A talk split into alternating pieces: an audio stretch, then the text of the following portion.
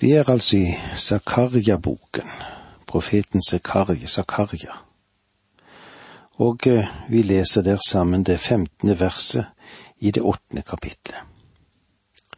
Har jeg i disse dager vendt om og satt meg for å gjøre vel mot Jerusalem og judaeten? Frykt ikke.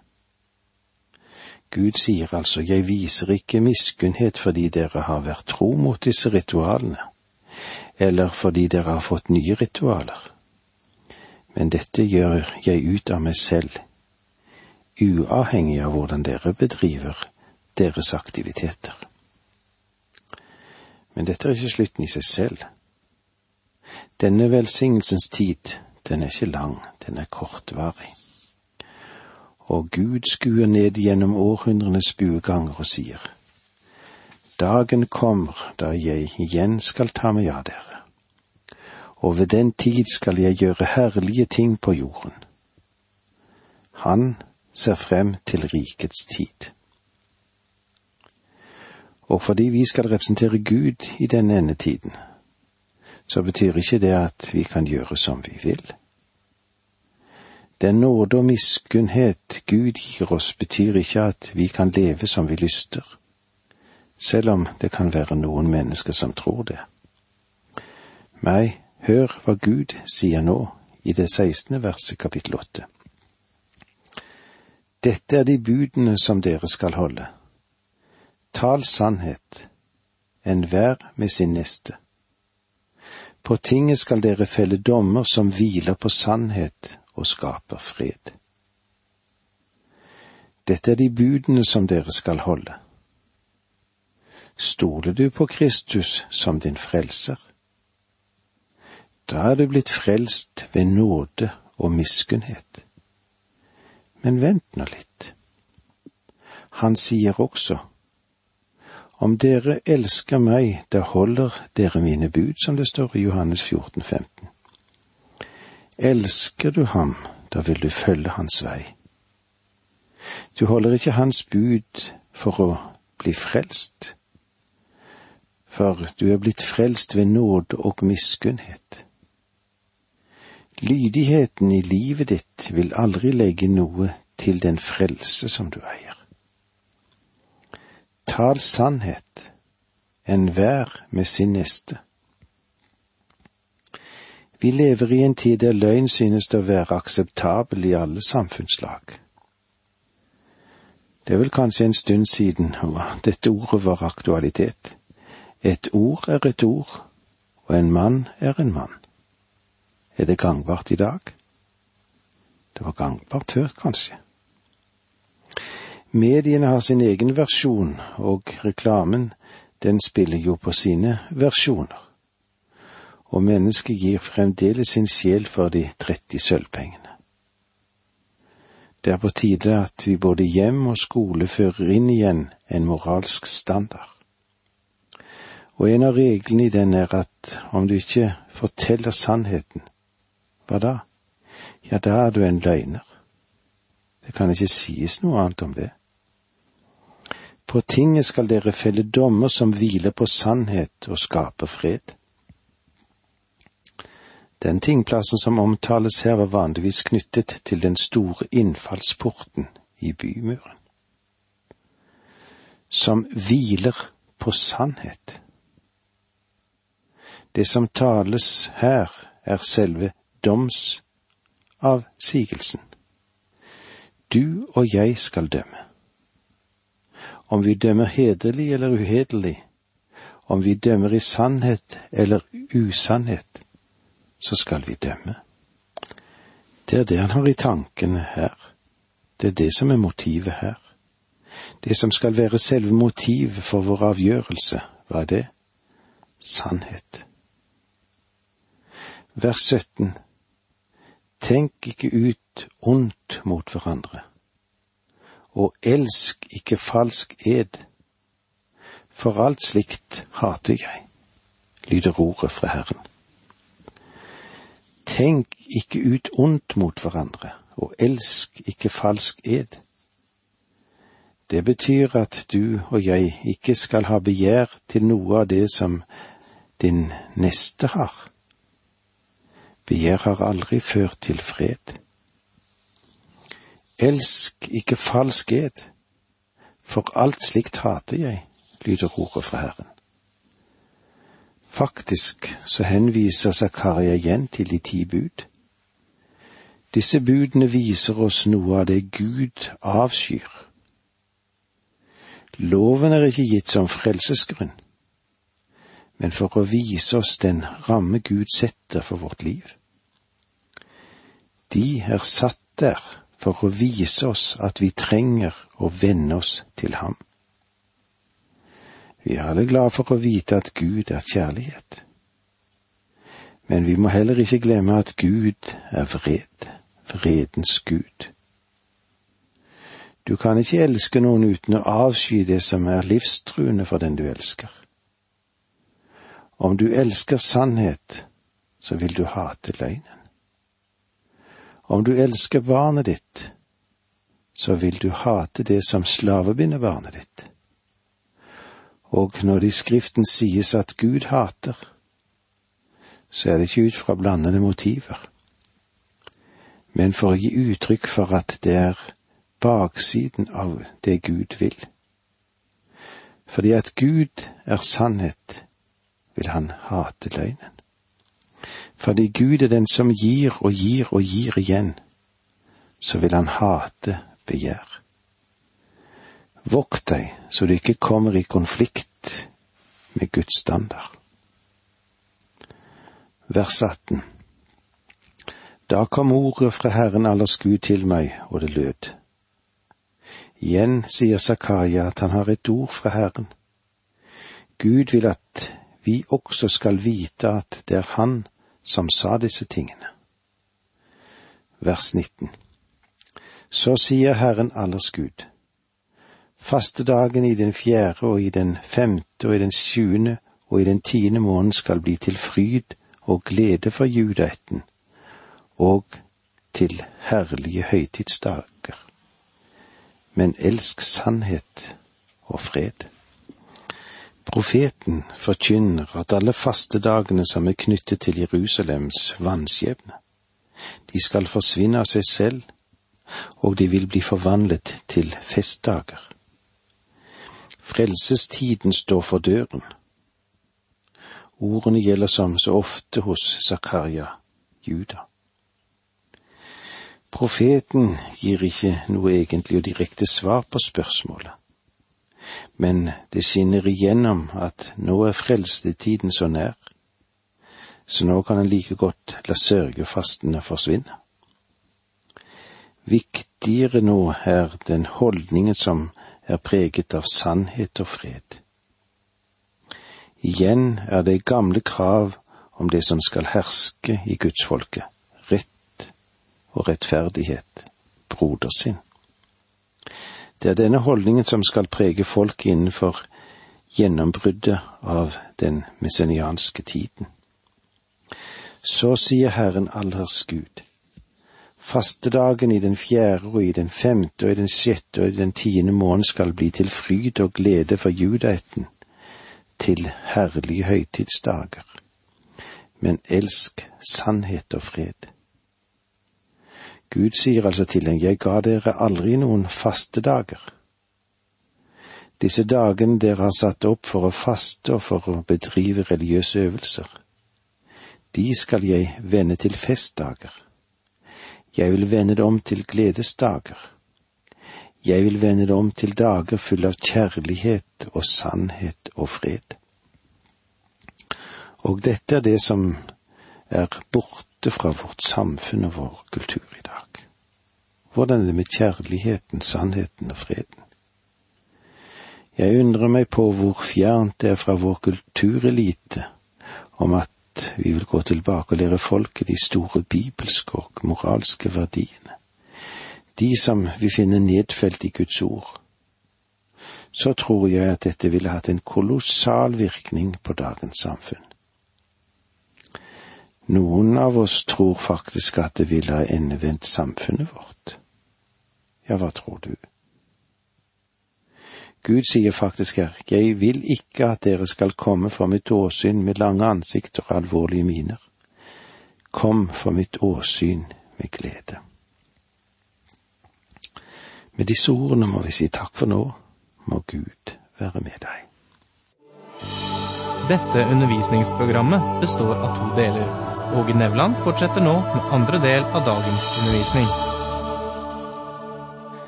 Vi er i profeten Zakaria, og eh, vi er i det åttende kapitlet. Og vi ser hvordan fastedager skal bli til festdager, og at mange folkeslag skal valfarte til Jerusalem. Det er underlige tider vi vil gå i møte når vi får lov å leve i et samfunn med Herren.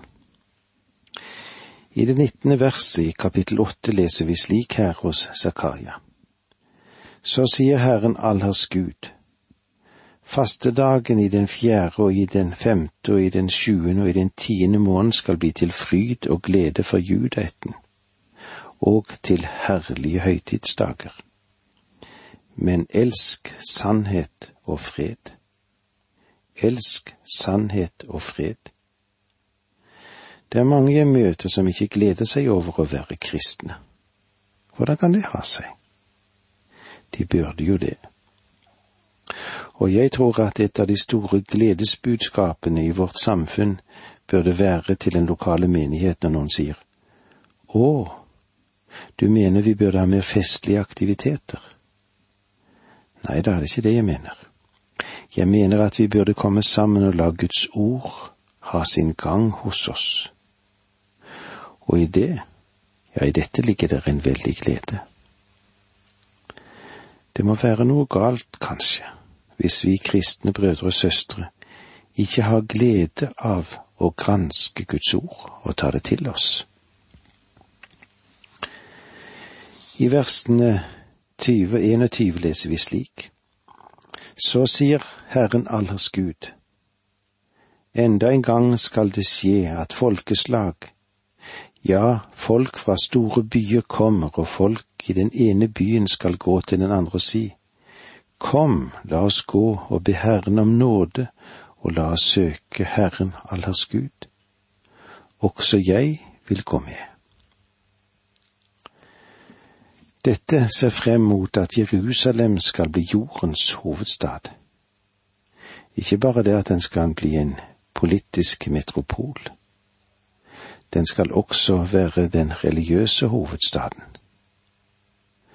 Vi ser frem mot den tid som vi kaller tusenårsriket.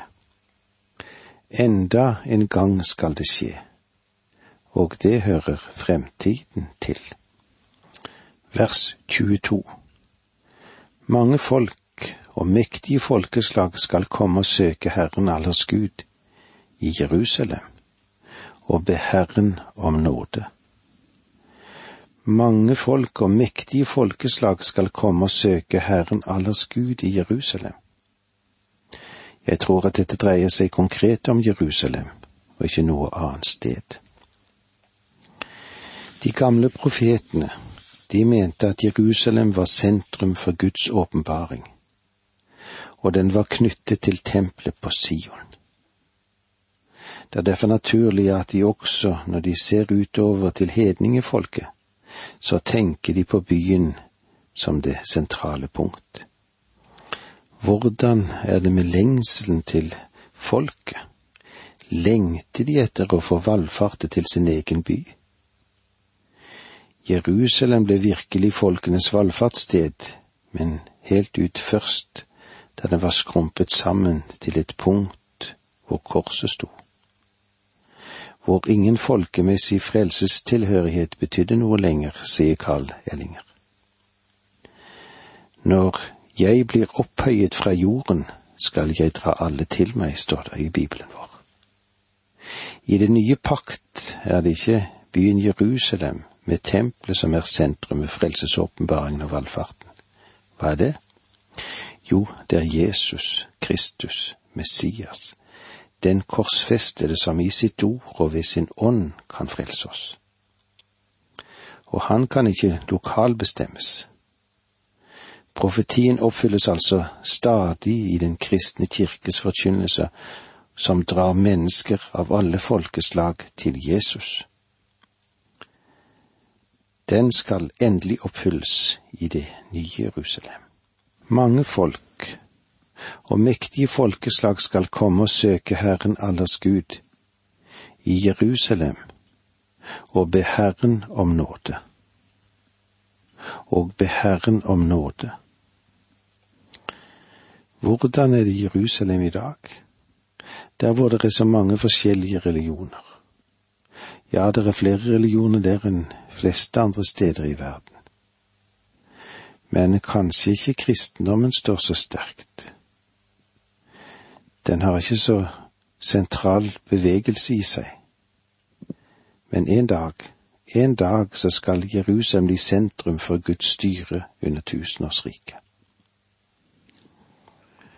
Tidligere så har vi referert til kapittel to hos profeten Jesaja, og det er mange skriftsteder som har den samme linje i seg. Og de illustrerer hvorfor det er så viktig å granske Zakaria-boken. Det finnes mange bibellærere som har bare fokusert for eksempel på Danielsboken. Så er ikke vanskelig å finne kommentarer til Danielsboken. Men leter du så etter kommentarer til Zakaria-boken, ja, da blir utvalget nokså snevert. Det er ikke så veldig mange av de. Men Skriften sier at en kan ikke tyde noe profetord i Skriften på egen hånd.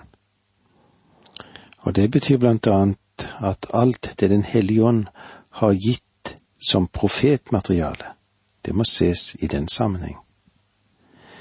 Derfor må også Zakaria være med. Det er mulig å utlede av Danielsboken at det ikke skal opprettes noe tusenårsrik på jorden, og heller ikke at Gud skal vende tilbake til Israel, eller noen gang gjøre, gjøre Jerusalem til sentrum.